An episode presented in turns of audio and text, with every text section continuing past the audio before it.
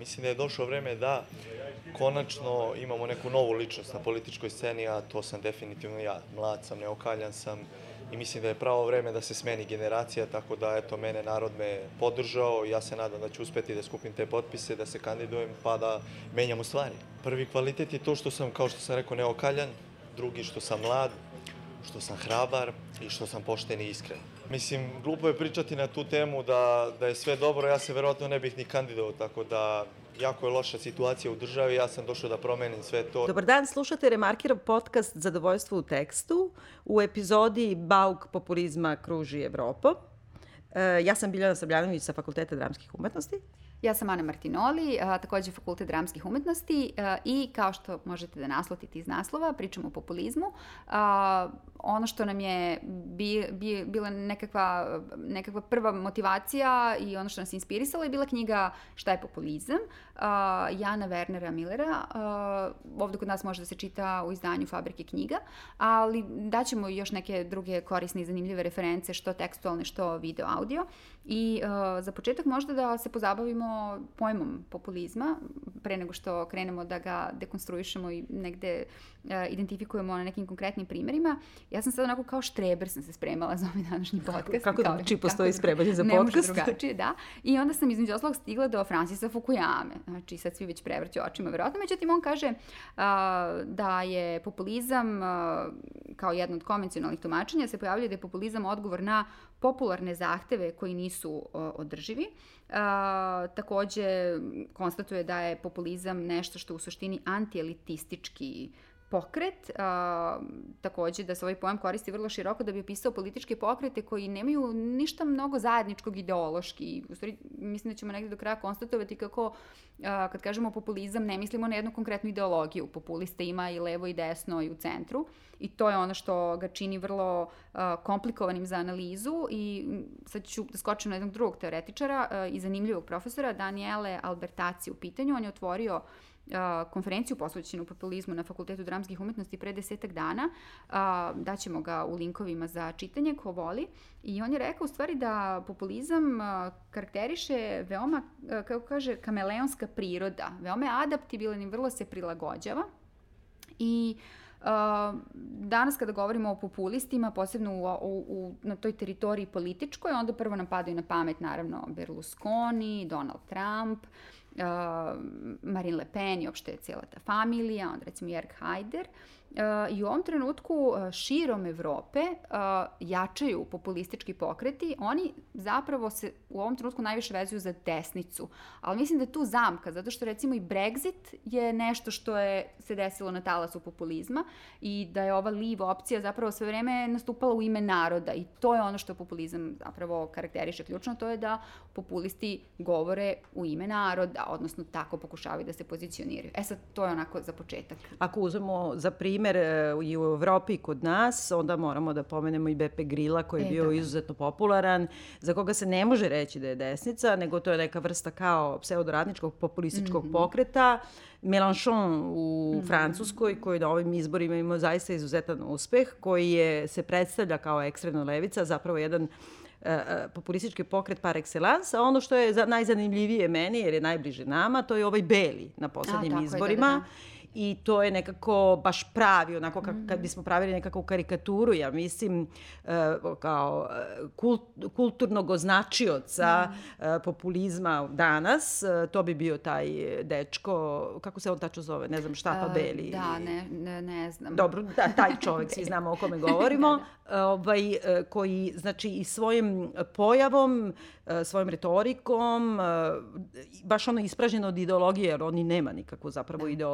Ideologiju, ali zapravo pristupom politici je praktično prava definicija populizma i naravno, kao i uvek, e, spomenut ćemo glavne aktere našeg podcasta koje spominjemo gotovo u svakoj epizodi, a to su Putin i Trump. Yes. Oni su nekako bismo rekli mm. rodonačenici. E sad, govorimo o populizmu u jednom e, podcastu koji se zapravo bavi kulturnim ili popkulturnim mm. proizvodima i to je na izgled neka vrsta kontradikcije. Međutim, nije zbog toga što je populizam pre svega toliko ojačao i promovisan, upravo zahvaljujući, a, ti ćeš reći ako grešim, onim e, što su proizvodi savremene kulture, dakle, socijalnih mreža, interneta, medija koji se pojavljuju, blogova, mm. dakle nekakva vrsta iluzije o vox populi, dakle govoru naroda, direktnog, nefiltriranog obraćanja uh, YouTube-om, obraćanja, one stari što su bile nekada demonstracije ili štampanje letaka i tako dalje. Sada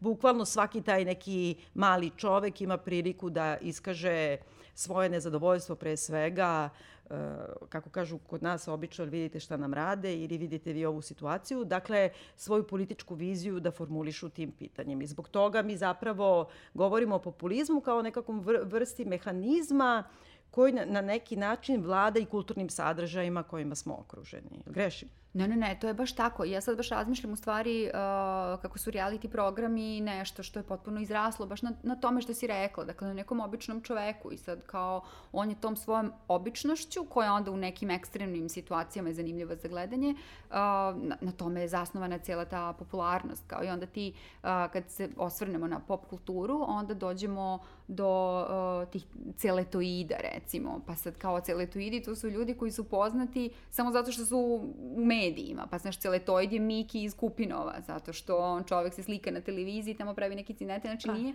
Kakva je to etimologija reči celetoid? Ja sam je pročitala u knjizi Zvezde supermarket kulture. Dobro. Maja Vukadinović, ona je kulturolog, to mislim da je klijevo izdanje, može se čiti kod nas. Um, I ona je inače bila doktorantkinja na Fakultetu dramskih umetnosti i to je nešto što ona zapravo uzela iz neke referentne literature, istražujući pojam uh, uh, slavnih u, da. kao ovom nekom i celetoidi to su recimo žene futbalera uh mhm. -huh. onda ne znam uh, to reality zvezde koje tako zasijaju oni kao nešto govore jezikom običnih ljudi, oni su potpuno obični, ništa specijalno, ničim, nečim se ne izdvajaju I onda ih naravno više, više nema. Tako da kada se osvrnemo na popularnu kulturu, onda mi je stvarno prva, prva, prva referenca jesu reality programi. Ali je zanimljivo kako taj populizam kao pojam i uopšte kao, kao ne, nešto što je fenomen, društveni, politički, sad možemo dakle u raznim tim nekim poljima da ga da ga lociramo, on nije nov, ali on zaista sad doživljava nekakav uh, pik.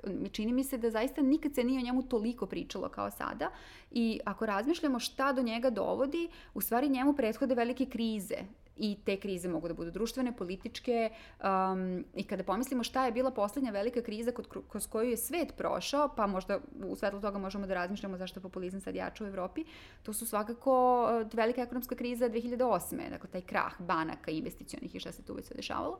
I da je posle toga se u stvari desilo da su ljudi prestali da osjećaju oslonac u raznim institucijama i da zapravo gube potpuno poverenje u institucije. I to je ono što je u stvari druga označavajuća karakteristika populizma. Dakle, osim antielitizma, to je anti anti-institucionalizam. Pa sad ti više ni u šta ne veruješ I uh, sad, ja kao, sad kao da je neko predavanje, ali ima tu super sociolog koji može da se čita, um, Zygmunt Bauman, on govori o tom likvidnom društvu. Uh -huh. Dakle, mi živimo u nekom fluidnom društvu gde ti više ni u čemu ne osjećaš uh, bilo kakvo utemeljenje. To je zapravo društvo jedne stravične individualizacije i um, gde u stvari I onda on između ostalog ima divnu knjigu koja se bavi baš društvenim mrežama, gde on priča o tome kako ako te nema na mreži, kao da ne postojiš. I sad malo sam otišla u neku digresiju. Ali, Ali to je, čini mi se tačno to, zbog toga što ti zapravo svoje postojanje, na primjer u profesionalnom svetu, dokazuješ ovo kako ja zovem ovu mrežu na kojoj ja nikad nisam bila, jer zapravo nemam ni takvu vrstu profesije, profesije zovem je LinkedIn. A, LinkedIn, znaš kako kaže, ja imam da. inače, moj brat je e, bankar i njemu je ta mreža kao prva ono,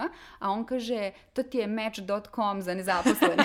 znači, pa da. to je to. Da, da, da očigledno da, da. nikad nismo bili dovoljno dugo na tržištu ne. rada i, za, i bavimo yes. se zanimanjima koje nisu da, nismo, za mečovanje, tako da nismo na toj mreži, ali u suštini ako ne postojiš, čak i Facebook, uh, mladi profesionalci koriste tako, on inače služi za to da ti predstavljaš neku drugu vrstu izmišljene persone. Mislim, niko od nas na Facebooku nije ono što je stvarno. Yes i obično ima i ta neka dva Facebooka, jedan je potpuno privatni, mm. znači za neki najuži krug prijatelja, a drugi je javni i na ovom privatnom se opet predstavljaš na neki malo, uvek doteraš fotku, izabereš neku bolju ili smisliš neku rečenicu, ne, nemaš ono baš tok svesti da prekucavaš mm. direktno, mada i do, zaista i, i, i to postoji.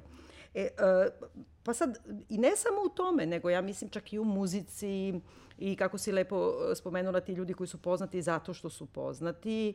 E, ja nekako vezujem taj period zapravo sa pojavom Paris Hilton. A, da, jeste. Da. I u stvari nešto to, ta kao ona Nicole Richie, Paris mm -hmm. Hilton, taj trenutak kad se one pojavljuju, pa onda imaju skandale, pa idu u zatvor, pa uopšte poznate su jer su poznate, ali onda postoji i neka e, strašno, čak i telesno iskorišćavanje uh, tih mladih žena koje se dovode u situacije da govore u ozbiljnim emisijama, mm -hmm. da im mhm. se podsmeva. Uh, Lindsay Lohan, na primer, ili baš Paris Hilton kod Lettermana, sećam se, bez obzira što je to humoristička emisija, ona važi kao za intelo humorističku, pa sad ti dovedeš neku kao devojku, pa joj se smeješ i onda samo njoj i možeš da se smeješ zapravo, a u suštini ona puni tvoj program time. Sad kod nas imam nekakav utisak da kasnimo za tim nekim fenomenima jedno dve decenije, uh, To mi je bilo, na primjer, pre jednu godinu, dve, kad se ovde pravila neka VIP žurka, pa su zvari Paris Hilton kao da bude neki svečani gost i platili neku ogrom, tipa 100.000 nečega. Paris Hilton, ona jedna, ona, da, da, da, da, to je bilo, mislim, baš prošle godine. Nekako imam utisak da kao sve ono što se više nigde ne nosi, kod nas počne da se nosi. E sad samo bih htela da iskoristim ovu priliku i da možda samo ukratko nekako, pošto postoji ta inflacija pojma populizam, mm -hmm. šta uopšte se definiše po tim? Ti si spomenula antielitizam. E, lepo si rekla da to nije nikako ideološki obeleženo, da može da bude na levici, na desnici, zapravo ispražnjeno od svake ideologije. Mm -hmm. e, o, ono što karakteriše zapravo populizam, kako bi se moglo nekako uh, uokviriti, je da populisti uh, uh, pretenduju da govore u ime malog čoveka da. ili pravog naroda, onog običnog čoveka koji nema priliku da se čuje u eliti i da su oni na neki način sami sebe smatraju boljim demokratama od demokrata, jer oni kao zapravo direktno, to više kao ni, ni to je kao direktna demokratija, kao kad sad bi sad stali svi na livadu pa izvikali nekog vođu ili izvikali neku ideju, svaki glas se čuje bukvalno. I to je na neki način strategija dobijanja izbora, je li tako, ako sam dobro shvatila? Ali s druge strane, da li je moguće uopšte vladati kao populista? A pa da, to je super pitanje onog momenta kad dođeš na vlast, kao koga ti, uh, koga ti onda počneš da kritikuješ. E, sad imam ja tu uh, super jednu zanimljivu, uh, jedan mali citat ponovo, i to je ponovo Daniela Albertaci, i mislim super je zanimljiv za čitanje, vrlo jednostavno piše. On inače dosta uh, o populizmu piše baš kroz uh, studiju slučaja Bepe Grila, dakle, to mu je naravno bila početna tačka, i baš si super to primetila, dakle, to da izvičemo vođu. Znači, Bepe Grilo je recimo svoju popularnost na početku gradio jako mnogo kroz taj svoj blog i onda je pozivao ljude kao, ja, recite mi šta su vaši problemi, pa ću ja u vaše ime tamo da idem da ih rešavam. I on je u stvari bio ono Trump pre Trumpa, on je kao osvrnuo, okrenuo se tim društvenim medijima, mrežama, nemam pojma, pre Twittera. Ali evo što kaže Daniela Albertaci. On kaže, populistički lider obećava rešenja, ali pre svega vrlo jasno identifikuje ko su neprijatelji, dakle ko su žrtveni, ono, kako se to kaže, žrtveno jagnje ili već. I on stalno negde drugde pripisuje odgovornosti i, i neko drugi je kriv, dakle više nije on.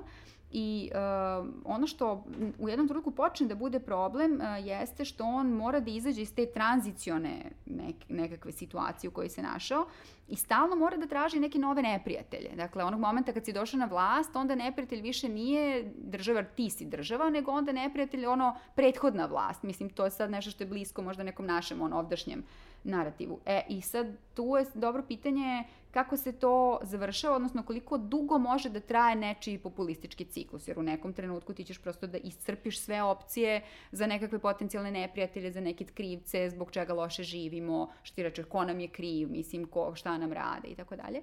Tako da, Uh, mi u suštini jesmo ovde izloženi jednom eksperimentu populističkom, čini mi se političko, društveno, kulturološkom, pa možemo i tu da vidimo na koji način će se to razvijeti, ali mi se čini da um, koliko god da postoje specifičnosti koje zavise od određene, od ne, neke, neke, nekih nacionalnih okvira, da ipak može da se nađe nešto, nešto što povezuje um, uh, sve, sve populiste. Ono što je zanimljivo, to isto sam negde pročitala da uh, po, političari koji su onako izraziti ti populisti u toj svojoj, politi, tom, toj svojoj političkoj komunikaciji, tom stilu, vrlo često odbijaju da svoje, da se formiraju kao stranka, nego, ne znam, su ili pokreti, ili ne znam, frontovi, lige, blokovi, znači oni čak i kroz taj, um, kako bih rekla, formalni deo, mm -hmm. nekako pokušavaju Leksički, da, da. Da, pokušavaju da pokažu kako mi nismo politička stranka, mi smo neka grupa građana, nešto i nemam pojma, da sam baš razmišljala koliko to ima veze sa ovim našim iskustvom ovde, pa nešto nisam uspela tu kopču da napravim, mislim. Ja mislim da je tu možda i drugi ključ u zavisnosti od jezika da u, u naslovu ili u, barem u, u tom nekom sloganu mora da ima narod, mm -hmm, narodni da, da, da. nešto, mora da bude e, nekako to sveobuhvatnost i čini mi se da u tu zamku zapravo uh, upadaju ne samo oni koji dolaze na vlast, nego i oni koji tu vlast kritikuju. Jer uh, čini mi se da ono što ovde stalno susrećemo je glavna kritika svakoj, na primjer, opozicijonoj delatnosti je kad pripadaš opoziciji je kako ne možete da se dogovorite. Da, da, da. da. Dogovoriti se znači neka vrsta sabornosti. Tako. Sabornost je automatski populistička. Uh, ja sam to vrlo često u godinama dok su LGBT aktivisti bili veoma izloženi na nasilju i osuđivanju, e, susretala se sa time kad su govorili pa kako ni oni ne mogu da se dogovore međusobno, vidi i pederi se svađaju. I ja sam stalno to objašnjavala da e, ti ni u jednoj porodici e, nemaš, hvala Bogu da nemaš jedan unisoni stav, e, hvala Bogu da u jednom društvu, zašto sama činjenica da je neko gej mora da deli potpuno ista uverenja politička, društvena ili bilo koja druga. I to je populizam par excellence, da ti smatraš da je svaka vrsta e, ideo, idejnog ili društvenog angažovana jednaka sekti. Znači ti praktično oderiš apsolutno sva ubeđenja i e, mislim da to i Miller piše u svojoj knjizi da e, lider populista svaku kritiku doživljava kao opasnost i izdaju. Absolutno, da. I odmah su oni koji kritikuju sumnjivi i sve se dovodi e, veoma lično u pitanje. Navešću jedan primer koji je možda nama blizak i e, još jednom da kažem, naš podcast, mi imamo veoma jasne političko uverenja, e, nas dve, i uopšte ne bežimo od tih tema, ali ja mislim da su malo dosadne i mnogo da. je zanimljivije meni taj pojavni, pojavni oblik onoga što se da, nama da, da. dešava nego mm. sama suština jer je suština toliko banalna. Mm. Ali uh, prošle nedelje, na primjer, opštu pometnju na mrežama uh, uh, koje je sad polje uh, političkog delovanja uh, celokupne opozicije, jer nema gde drugde da, da deluje. Da, gde, da izazvao uh, tweet Saše Jankovića, uh, dakle onoga koji je bio uh, na neki način viđen kao najpopularniji predstavnik opozicije, uh, koji ću ja sada parafrazirati, jer nije da ne mogu da ga pročitam, nego me blam. Znala transfer neprijatnosti. Ali u svakom slučaju, on je u trenutku kada su se nešto opozicija svađala međusobno, da li će da pozovu OEBS da nadgleda izbore, lokalne izbore koje nam se spremaju, pa ko je potpisao, ko nije potpisao, pa cela kao opozicija hoće. On je rekao, otvitovo je u hotelskoj sobi u centru Breča celo popodne zgrčen nad užasom šta nam ovi ljudi rade. Ja sam kunem se, mislila da se Daško i Mlađa zezaju. Jer ja sam za tweet čula kod njih u jutarnjem programu, bila sam uzmano nemoguće. Da. Izvinjavam se. Ne, ne, ne, ne, ali... da. Ja sam, uh, sad ja već, pošto tražim neko logično, onako, dramsko, dramsku motivaciju za svega. Ja sam pomislila da je on možda u Beču, da se raspravlja sa OEPS-om, jer je OEPS u Beču, oko nadgledanja izbora. Onda mi je došlo da ga zove, da pitam nekoga, možda ga zove telefonom i kaže da OEPS ne nadgleda lokalne izbore. Znači da to, to nije u njihovim propozicijama. Da, da, da. Znači da to piše i na Wikipediji i da mi je neverovatno da postoji toliko velika široka akcija opozicije koja je i moja jedina nada, da se nisu obavestili o najosnovnijim pravilima OEPS-a. To je pod brojem 1. Pod brojem 2, OEPS nadgleda izbore u državama kao što je Azerbejdžan, gde predsednik pobedi, na primjer, sa 108% glasova. I oni sve kažu košer, sve u redu. Znači, to je jedna duboko korumpirana institucija, znači od tog posla nema ništa. Ja sam zaista pomislila da tu postoji neka motivacija. A zapravo ne, nego kao, e, kako kaže e, drevna narodna poslovica, ne, ne kara majka što si se kockao, nego što si se vadio. Tvitovi koji su bili objašnjenje na taj tvit su zapravo objasnili celu dubinu suštinu tog ambisa, to je kao, on je valjda turistički bio u Beču i onda ne može da se opusti jer ga svaka rana njegovog roda boli. I onda uh, odjednom sam pomislila kako uh, ipak ta neka vrsta populističke, demagoške leksike e, ide do neke tačke, a od neke tačke dalje ne može. Jer ovo je zaista bila ta neka tačka e, Mislim da je bio ono kao e, ta rečenica u centru Beča, a ne na periferiji kao u ringu, kao, znaš, nisam... Marija Hilfestrasse. Tako, tako je, tako je. Su shopping je. zona. Ali kao ne mogu da uživam, niti da izađem napolje i tako. Znači, e, ja ovde ne govorim nikako o političkom buđenju, govorim o komunikaciji. Znači, kad se spustiš na taj nivo komuniciranja sa tvojim, tvojim publikom, odnosno tvojim glasačima, e, da koristiš onaj jezik koji koristi onaj koji te tuče na tom polju, a to je ovaj što govori ja radim, ja znam da je babušnica, da je svaki zaselak, čićevac, ovo i ono ti kad kreneš da govoriš tim jezikom, ti samo moraš da gubiš. Znači ti zapravo želiš da budeš uspešniji populista od populiste, zar ne? Da, nemoguće, da, da, tačno to. Pa to je kao što je bila svojevremena priča kako 92 hoće da pobedi Pink tako što će uzme velikog brata. Pa ne možeš publici 92 prodaš velikog brata, prosto to, da bi joj posle toga prodao insajdera. E, to ne radi, mislim baš. I to jeste vrlo, pri čemu mi ovde imamo jedan isto vrlo specifičan populizam, dakle, uh, imamo populističkog lidera, a s druge strane on se ne ustručava da kritikuje narod, kako narod mogo bi više i da radi, kako eto što se ne ugledamo na šveđane. Tako da meni to zanimljivo za neku onako naučno, akademsko, teorijsku analizu, ali nisam spremna da se u nju upustim, prosto imam neki otpor. I što... ja mislim da je to više neko u pitanju neuropsihijatri. nego možda ne, ne to, teorija medija, da, da. Ali uh, mi je bila zanimljiva još jedna stvar, a to je što ti počneš da promišljaš u stvari, ok, ako sad na vlast dolaze ljudi koji vladaju tim zapaljivim, emotivnim porukama koje zapravo uopšte ne, ne, ne atakuju na raciju, nego na srce kao naroda i to je kao ništa novo, kao na tome sad i fake news, kao po, i tako dalje kako će onda da izgleda taj političar budućnosti? Znači, ideologija je ćao i mi često to zapravo pominjamo. Macron je to. Da. Je ideologija ćao. E pa da, znači, kao ko onda pobeđuje? Šta će da bude taj političar budućnosti? Onda sam se setila te super epizode e, iz serijala Black Mirror, mislim da je to, da li prva ili druga sezona, Voldo moment, mislim da se mm -hmm. zove, gde on e, kao neki uh, maskirani, da li medved, sad sam čitala sam davno, uh, gledala sam davno, ali... Uh, on je nekakav ono, neka figura s televizije, nekog serijala koji ide i vređa ljude i odjedan puta postaje super popularan, kao ljudima se sviđa što on tako vređa, što govori svima sve što jeste. I u vreme kad se ta epizoda pojavila, ona je delovala kao neka jako pojačana rea realnost. Niko nije očekivao da će za par godina posle toga Trump da pobedi na istu tu foru, tako što će da vređa, bude brutalan, da bude malo vulgaran kad zatreba i tako dalje.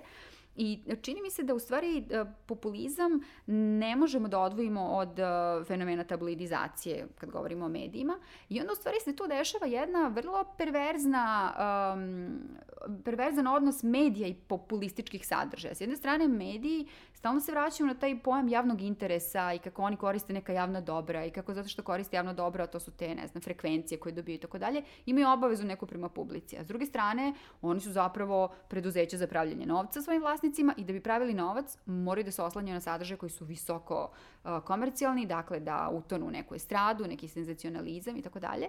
I onda u stvari pomisliš pa da, uh, to, gde je sad tu konflikt, pokušat ću da jednostavno objasnim. Uh, s jedne strane, populisti se uvek žale na medije jer kažu da su mediji ti koji me, vrše medijaciju stvarnosti. Krukt oni, medija, to, kako to, to, bi rekao. Da, da, da, znači oni nisu dobri, a s druge strane bez medija njih ne bi bilo. Prosto, mislim, mediji su ti koji daju dodatni zamah populizmu i sad se tu stalno dešava ta neka ono, uzročno-posledična veza iz koje ne može da se izađe. I mi smo u tom smislu zaista izloženi između ostalog i nikad gori medijskim sadržajima. Kao, znači, sve je nekako populističko. I onda tu naravno sad ono, trčim s teme na temu, ali uh, dokle dođemo, dođemo do pojma ono, filter bubbles, gde smo svi zatvoreni u neke svoje male prostore, gde sad pokušavamo se izolujemo od svega toga što nas opterećuje, ako nas ne zanima nekakav populistički medijski sadržaj. I ti onda stvarno pomisliš šta je budućnost, kao da li je budućnost vreme u kome će političari da budu u Voldo, dakle taj koji ide okolo vređa i nemam pojma,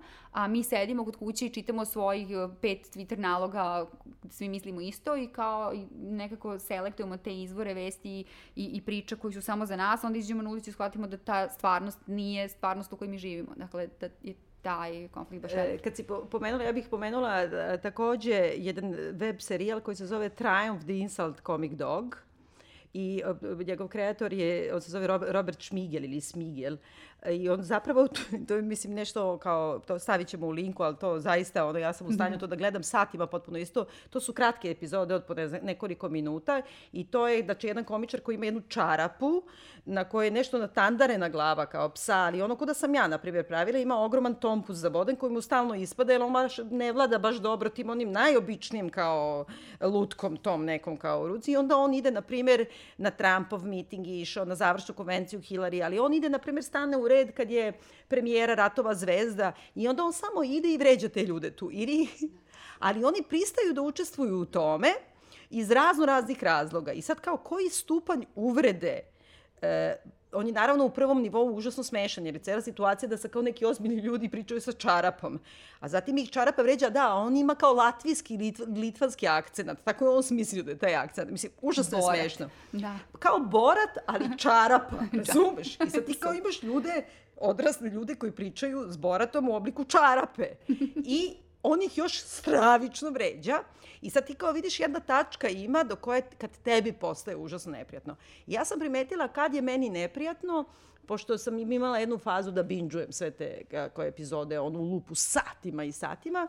Na primjer, kada je stajao u redu za audiciju za onaj American Idol ili Aha. tako nešto, ili baš za te ratove zvezda.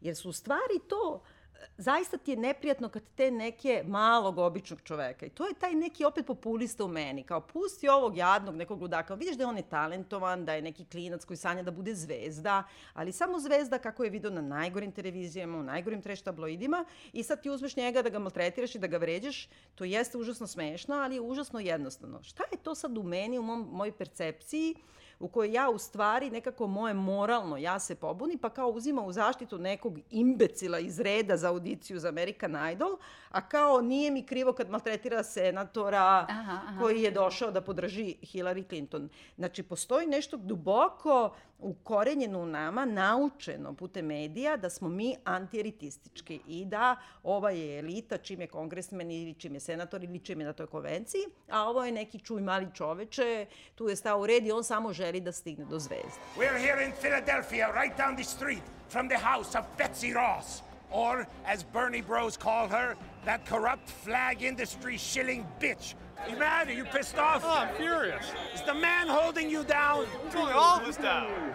Is he holding you down and forcing you to use deodorant anytime soon? If you could tell Bernie anything right now, what would you say to him? Don't give up on us. We will not give up on you. Keep in mind, you have to say it into his good ear. You know, Bernie ran track in high school. Yes, Did you know that? I did know that. Did he have any problem determining that the race was over back then? If There's going to be a roll call today, and it probably isn't going to go your way. Uh, that is disappointing. I know you're disappointed, but on the bright side, now you know how your parents feel. I kid. So you guys are really not going to vote for Hillary, no matter what? It's not my plan. Even if Trump uh, ends up winning, you're not going to vote for Hillary? I'll probably look third party. Why don't you learn how to compromise like your Tinder matches did? yes, Bernie Sanders fans love his ability to never back down from a fight with Wall Street, the billionaire class, or reality. Isn't that right, sir? That's right. I moj je neki utisak da se na tome dosta bazira uspeh e, populističkih pokreta koji traje jako dugo. E, Ja sam primetila da profesor Miller insistira na Mađarskoj, na Orbanu. Ja mislim između ostalog zato što on predaje na tom univerzitetu. I uopšte na tim evropskim primjerima i naravno na Trumpu. Međutim, e, populizam ne postoji od juče. Naravno, svi ćemo reći e, fašizam i u Italiji i, i u Nemačkoj i tekako su populistički i ta neka lažni egalitaristički pokreti. Međutim, po mom dubokom ubeđenju, jedan od očeva Founding Fathers Amerike, a to je Thomas Jefferson, je osnivač populističke političke teorije. I e, užasno jedna zanimljiva e, figura koja je zapravo, e, on je napisao e, deklaraciju nezavisnosti kad je imao 30 godina, na primer, i on je bio jedan mršavi, riđi, buljičavi mucavac dečko, koji, se, koji je bio jako pametan i imao je potrebu da učestvuje u revoluciji, koja je tada bila izuzetno opasna.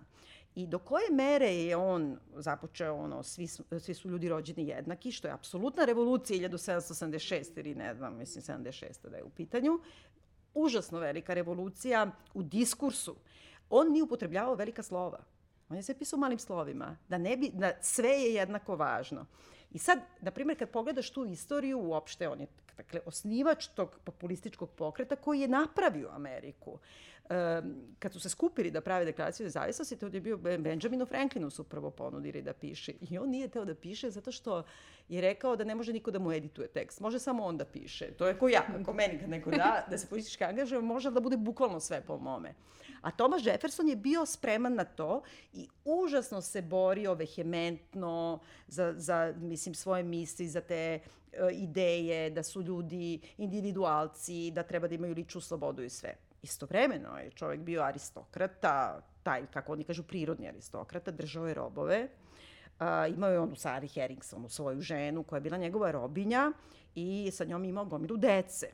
I, e, znači, takav čovek, osnivač Amerike i e, pisac deklaracije nezavisnosti, koji je napisao, zašto je bila kazna, evo to sad isto moram da kažem, jer je zanimljiva trivija, a govori o hrabrosti tih ljudi. E, pazi, to što su oni radili tada, osnivanje Amerike i pisanje deklaracije nezavisnosti je proglašeno vele izdajom, naravno, od strane Engleske. Zakon engleski za vele izdaju je govorio ovako, sad ću posećenju, ali mislim da ću ti tačno navesti, kazna za vele izdaju i da te obese, ali ne do smrti, nego kad si pred smrt, da te da te spušte, ožive. ne, da ti iščupaju creva napolje, da ti odseku glavu i da ti na četiri dela rasture telo i da to sve poklone kralju. Ja. I sad, kako ti kažem, to je dosta velika kazna, je li tako? Da. I a, za, zaprećenost takvom kaznom, on je ipak neki klinac mucavac, uspeo da napiše dokument koji stoji na svim aerodromima kad sletiš ono na JFK, ideš po prtljag i gledaš ono, svi su ljudi rođeni je jednaki ja sam u fazonu kad sam prvi put rekla, welcome to America, sama sebi, Da. jer smo toliko mi to naučili. A istovremeno je imao, dakle, robove, onda je otišao da bude ambasador američki u Francuskoj, e, bio je poznat po tome. On je napravio Monticello, sam je crtao, znači, e, voleo je arhitekturu, imao je jako fin ukus, na primjer, za vina, imao je neki vinski podrum na koji je dao na ono stotine iljada američkih dolara i e, svoju ženu, Robinju, dakle, je vodio sa sobom kao prijavio je kao čerku, pošto u Francuskoj nije postojalo ropstvo, je tako?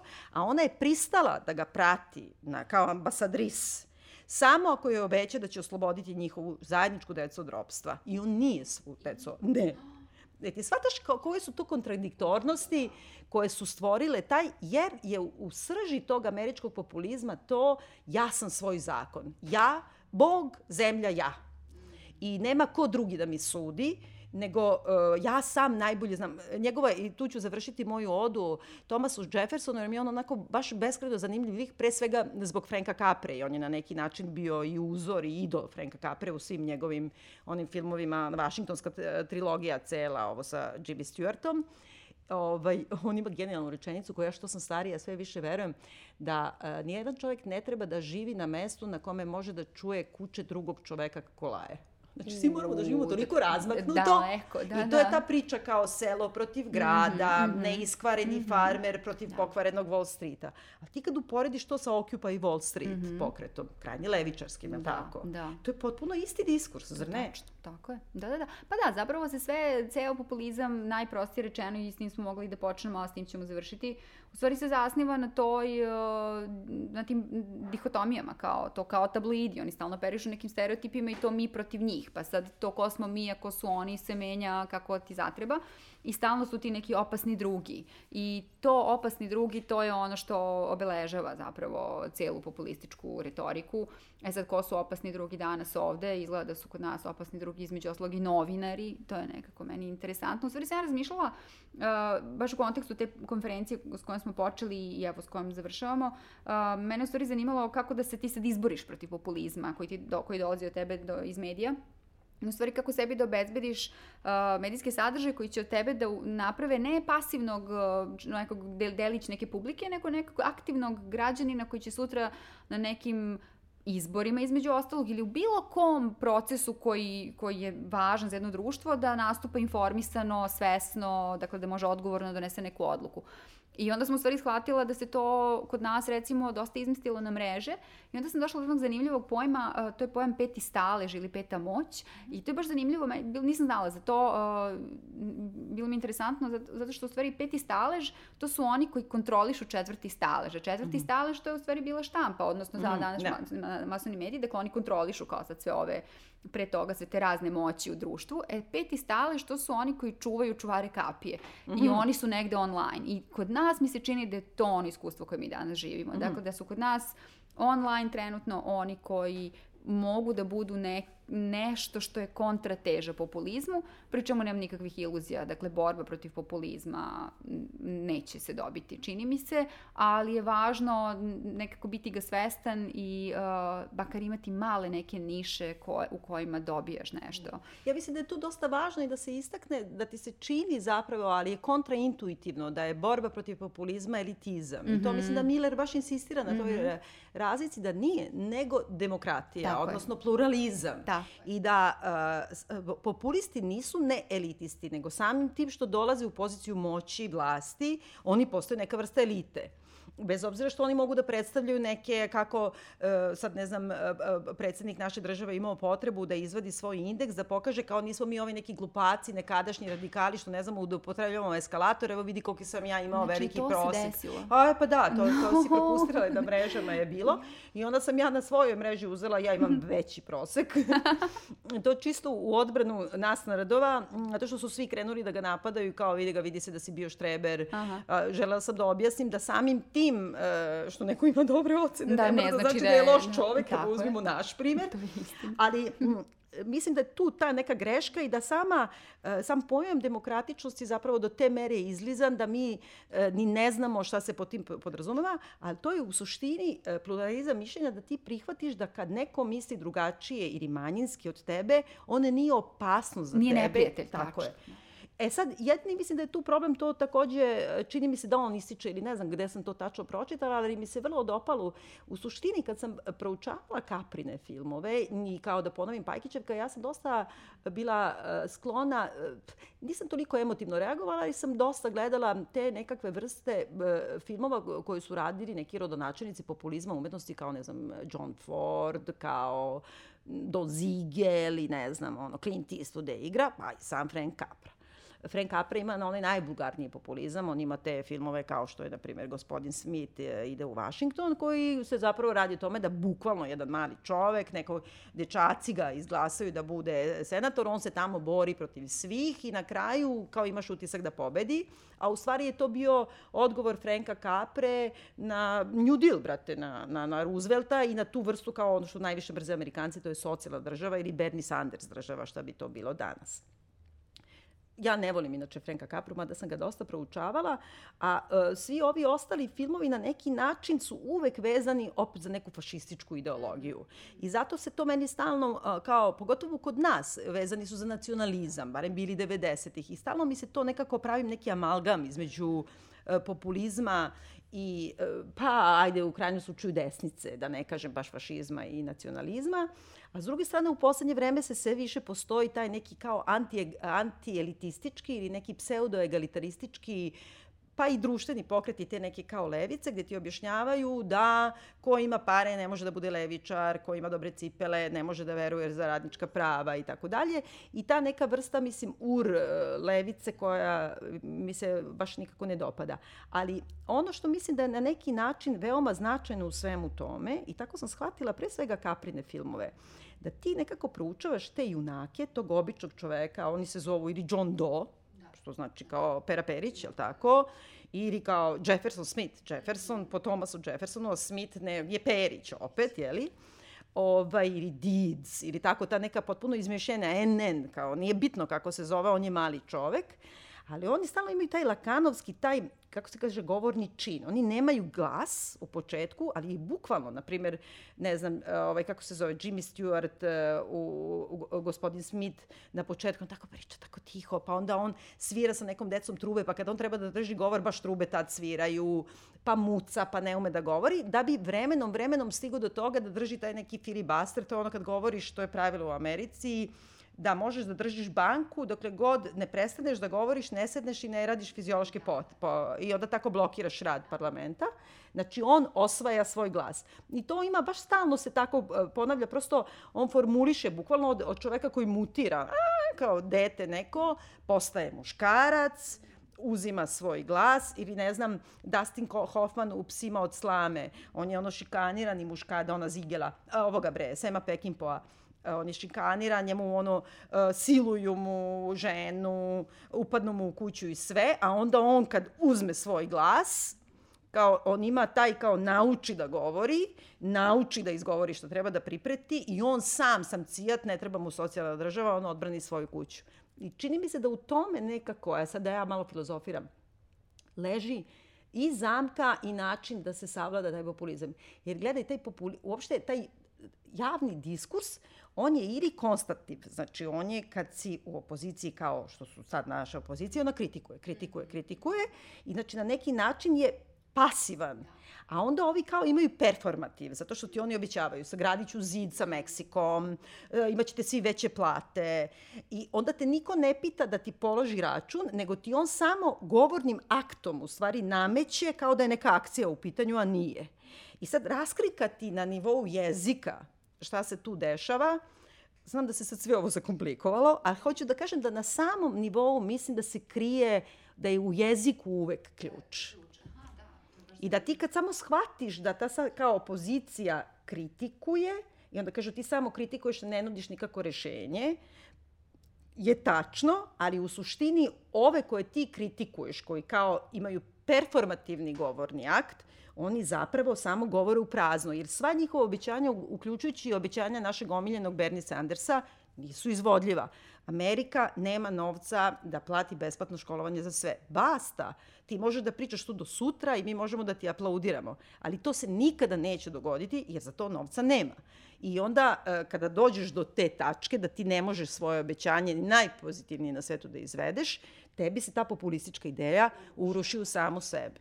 Prema tome treba naći izvodljive populističke ideje. da, da, da, kao nešto što je realno, da. da. Pa dobro, to nije loše sa tim da završimo, pa neka sad svako razmišlja. Gde, dobro, gde. mi ćemo da naređemo ovde razno razne, ali mm -hmm. ovog puta vas takođe pozivamo uh, da nam pošaljete uh, na našem Facebook uh, profilu da nam pošaljete i svoje primere za ovu našu diskusiju, šta biste rekli i od savremenih filmova, pa mislim od Forrest Gumpa pa nadalje, kako to tako Amerika nas ubedi da neki mali čovjek može u stvari da ispliva da kao Erin Broković da pobedi da. ceo svet, e, ma, mala paraligalka i kako je to, tako nas se nekako ispravo mozak da smo na kraju to, tim putem stigli i do Hajdera i do Orbana i do Putina i do Vučića. Nemam ništa. Ovo je sve meni super bilo za kraj da odslušam. Hvala na razgovoru. Hvala ti, Ana. Čujemo se za 7 dana. I guess this is just another lost cause, Mr. Payne.